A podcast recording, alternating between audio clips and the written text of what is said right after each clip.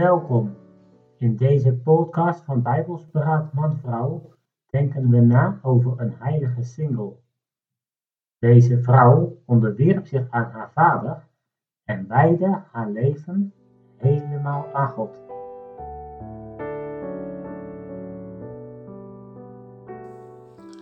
Een heilige single. Wat moet je je daar nu eigenlijk bij voorstellen? Een heilige single.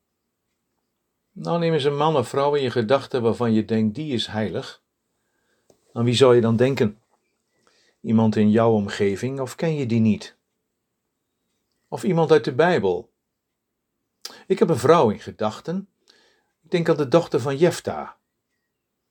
Een vrouw waarvan we de naam niet eens weten en die vanwege de belofte van haar vader haar hele leven single blijft. Je kunt overal lezen in het Bijbelboek Richteren, hoofdstuk 11, maar het is wel een heel aparte geschiedenis. Een geschiedenis die je toch sterk moet plaatsen in die tijd waarin dat alles zich afspeelde, maar tegelijkertijd wel een geschiedenis uit het woord van God, waarin zeker ook vandaag voor ons een boodschap zit. En misschien ook wel voor jou. En ik wil nu eerst enkele teksten uit dit hoofdstuk lezen. Richteren 11, lees ik vers 29. Toen kwam de geest van de Heere op Jefta en hij trok door Gilead en Manasse. Vervolgens trok hij door Mispe in Gilead en vanuit Mispe in Gilead trok hij op naar de Ammonieten. En Jefta deed de Heer een gelofte en zei, als u de Ammonieten geheel in mijn hand zult geven, dan zal dat wat naar buiten komt en mij vanuit de deur van mijn huis tegemoet komt, als ik in vrede terugkeer van de Ammonieten voor de Heere zijn, en ik zal het als brandoffer offeren. Sla ik een paar teksten over en dan vers 34. Maar toen Jefta in Mispa bij zijn huis aankwam, zie, toen kwam zijn dochter naar buiten, hem tegemoet, met tamboerijnen en in rijdans. Nu was zij zijn enige kind. Hij had verder geen zoon of dochter.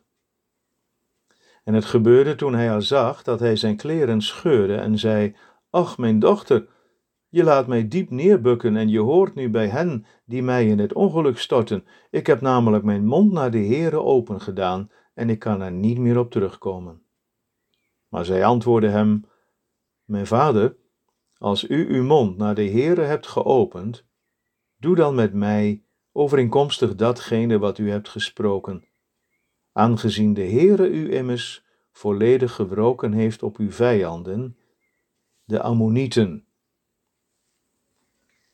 Nou, we komen in deze geschiedenis dus een jonge vrouw tegen, een meisje eigenlijk nog, de dochter van Jefta. En ze leefde natuurlijk in een totaal andere tijd en een volledig andere cultuur dan waarin jullie vandaag leven. Periode waarin Israël geregeerd wordt door richteren. Dus dat is nog voor de tijd van de koningen. En dan is het oorlog in het land. Ze hebben de oorlog met de Ammonieten. En Israël heeft een sterke man nodig, die hen zal helpen te vechten. En daarvoor hebben ze nu vader Jefta uitgekozen. Maar Jefta ziet er vreselijk tegenop. Hij zal best wel een vechtjas zijn, maar hij ziet toch verschrikkelijk tegen deze oorlog op. En dan doet Jefta een belofte aan de Heere God. En wat belooft hij dan aan God? Het is eigenlijk een heel vreemde belofte. Hij zegt tegen de Heere, als de oorlog voorbij is en we hebben gewonnen van de Ammonieten, dan ga ik weer naar huis. En als ik dan thuis kom, dan zal het eerste wat de deur van mijn huis uitkomt aan u geofferd worden. Best wel een merkwaardige belofte. Maar het kwam wel vaker voor in de Bijbel. Als je hartje ingaf om wat aan de Heere te beloven, dan mocht dat. Maar je moet vooraf wel goed bedenken, wanneer je eenmaal aan de Heere een belofte hebt gedaan, dan moet je die ook houden. Dat is helder. Hoe dan ook, Jefta bindt de strijd aan met het leger tegen de Ammonieten en de Heere gaf hen in zijn hand en hij verslaat deze vijanden. Israël is overwinnaar en ze trekken naar huis. En thuis hebben ze zeker al gehoord van die overwinning. En wanneer ze thuisfront naderen, wordt er geroepen: ze komen eraan. En op dat moment rent de dochter van Jefta de deur uit de straat op om haar vader op een feestelijke manier binnen te halen. En zo gaat ze hem tegemoet. Maar wat is dat nu? In plaats dat haar vader haar om de hals vliegt van vreugde, barst die man in snikken uit en scheurt zijn kleren. Wat is er aan de hand, pa? En dan zegt Jefta, ik heb de Heer een belofte gedaan en nu zul jij geofferd moeten worden. En dan klinken die woorden uit de mond van de dochter van Jefta, mijn vader, hebt u uw mond open gedaan tegen de Heere, doe dan met mij overeenkomstig datgene wat u gesproken hebt. Doe wat u beloofd hebt. U moet mij offeren. Een zeer merkwaardige geschiedenis. Je denkt bij jezelf, hoe is het mogelijk? Heeft Jefta hier dan zijn dochter op het altaar gelegd en haar geofferd? Eerlijk gezegd denk ik, nee, niet letterlijk althans. Wellicht moeten we hier toch veel meer denken aan een geestelijke betekenis. Het karakteristieke van het brandoffer in de Bijbel is niet het verbranden zelf. Bij het brandoffer gaat het niet om het verbranden, maar gaat het om het toewijden aan God. Datgene wat verbrand wordt, dat wordt opgedragen aan de Heere, geheiligd aan God. Dat hoort toe aan de Heere. Daar gaat het om. En wanneer we dat zo toepassen op deze geschiedenis van Jefta, dan kunnen we zeggen: Jefta heeft aan de Heere een gelofte gedaan.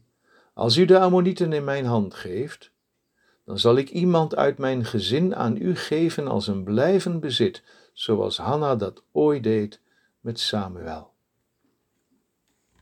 Het zal in deze geschiedenis van Jefta en zijn dochter ook gaan om een geestelijk offer. Nu zou de dochter van Jefta aan de Heere toegewijd moeten worden. En waarschijnlijk zou dat concreet betekenen dat zij op een of andere wijze dienst heeft gedaan bij het heiligdom van de Heere. Denk, zoals later, de kleine Samuel. En om het feit dat zij levenslang haar leven stelde in dienst van de Heere. Dat feit was de aanleiding voor andere vrouwen in Israël om de dochter van Jefta jaarlijks op te zoeken en met haar daarover te spreken, zoals we lezen in vers 40. Goed, dan kun je je nog afvragen waarom moest Jefta daar dan zo'n groot verdriet over hebben. Ja, maar wacht even, het feit dat zijn dochter nu levenslang de Heere gaat dienen, hield ook in dat zij nooit meer zou komen tot een huwelijk. Altijd single blijven. Het is ook niet voor niets dat zij haar maagdom gaat bewenen. Dat is voor haarzelf ook een geweldig verdriet.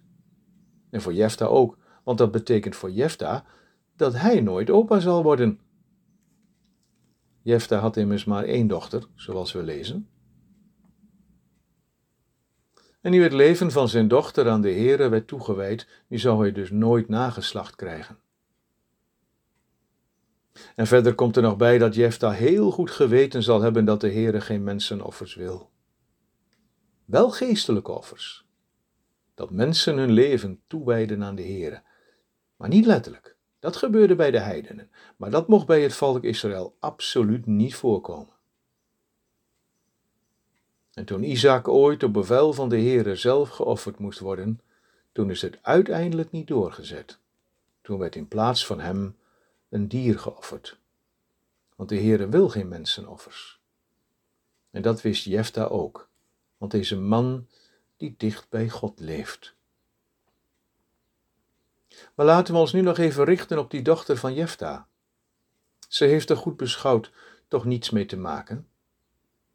Zij had best kunnen zeggen: Dat is dan wel mooi, pa, dat u dat gedaan hebt, maar daar heb ik geen boodschap aan. Het gaat om mijn leven.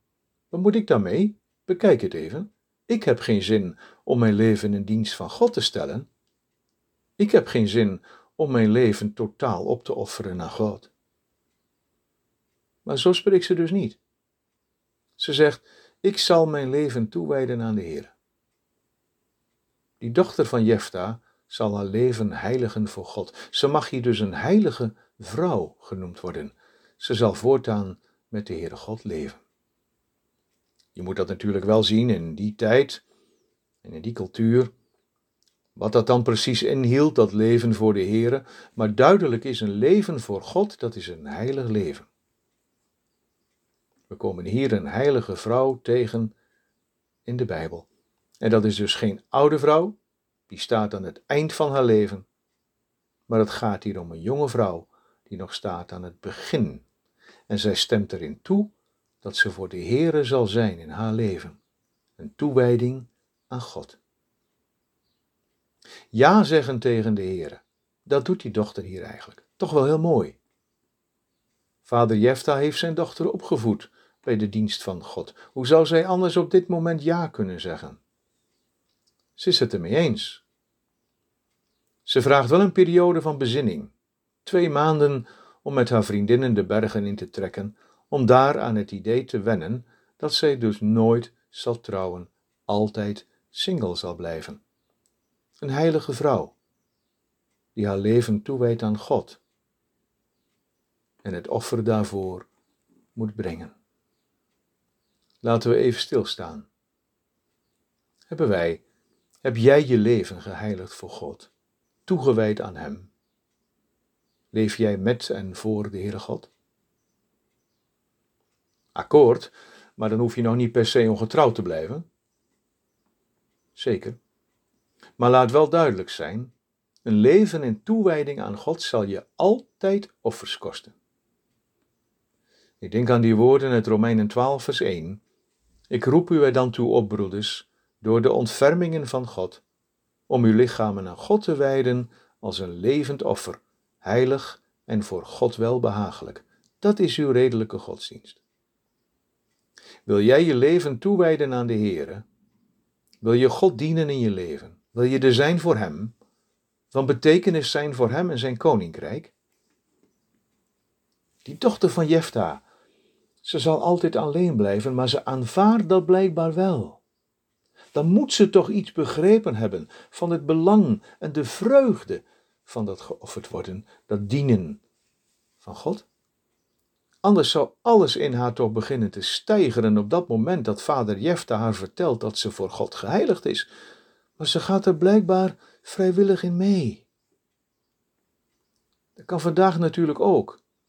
Dat er vrouwen mannen zijn die vrijwillig afzien van het zoeken van man en vrouw om God te kunnen dienen. Ik kom dat wel tegen. Maar dat is natuurlijk lang niet altijd zo. Single zijn is vaak ook een kruis. Geen keus, maar je bent gewoon de ware nooit tegengekomen. Of je hebt misschien te strijden met een andere geaardheid. En hoewel iedereen zegt dat je vandaag ook een relatie kunt aangaan met iemand van hetzelfde geslacht, jij hebt van Gods wegen de heldere geloofskeus gemaakt om niet die weg van ongehoorzaamheid aan God te gaan. Maar je ziet het leven voor je en het kan je benauwen en beangstigen. Altijd alleen blijven? Je kunt meetrekken met die dochter van Jefta en haar vriendinnen de bergen in. Zij huilde op de bergen, omdat zij maagd zou blijven.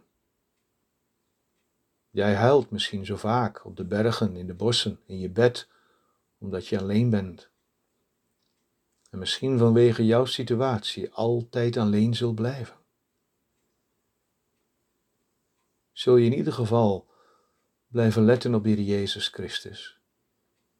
Hij heeft een offer gebracht dat wij niet kunnen brengen een offer tot vergeving van onze zonden.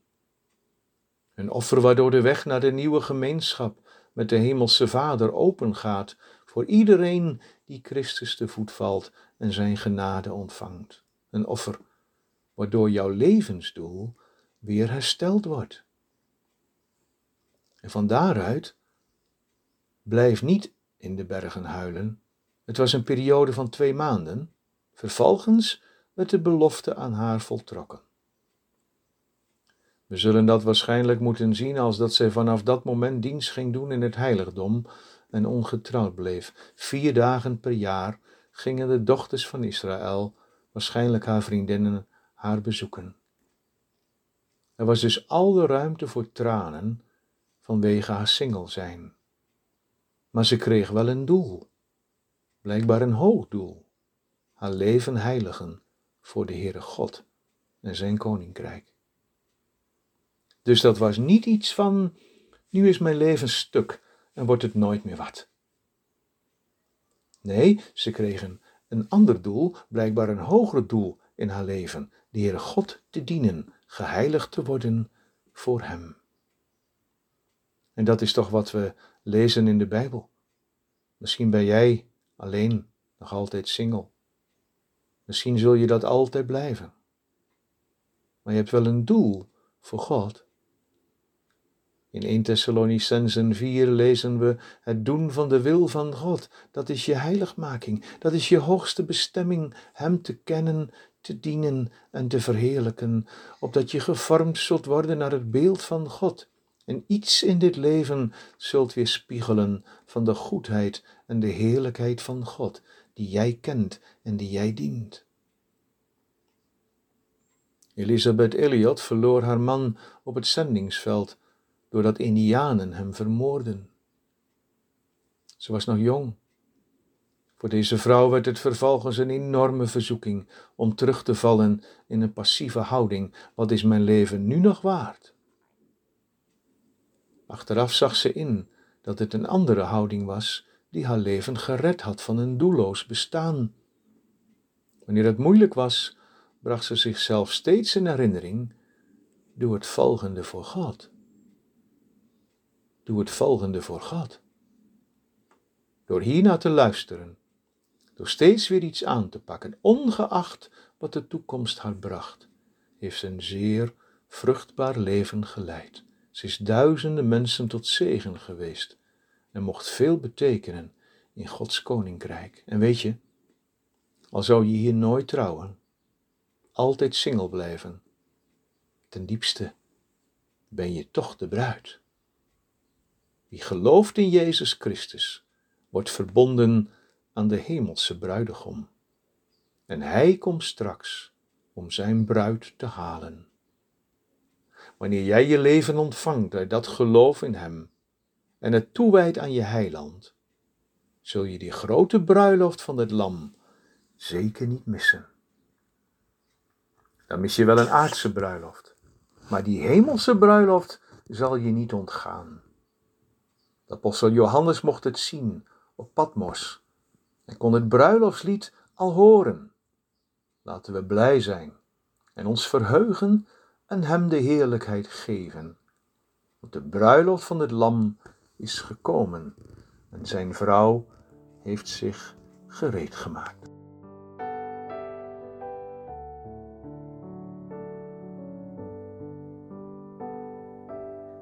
U luisterde naar een podcast van Bijbels Paraat Man-Vrouw.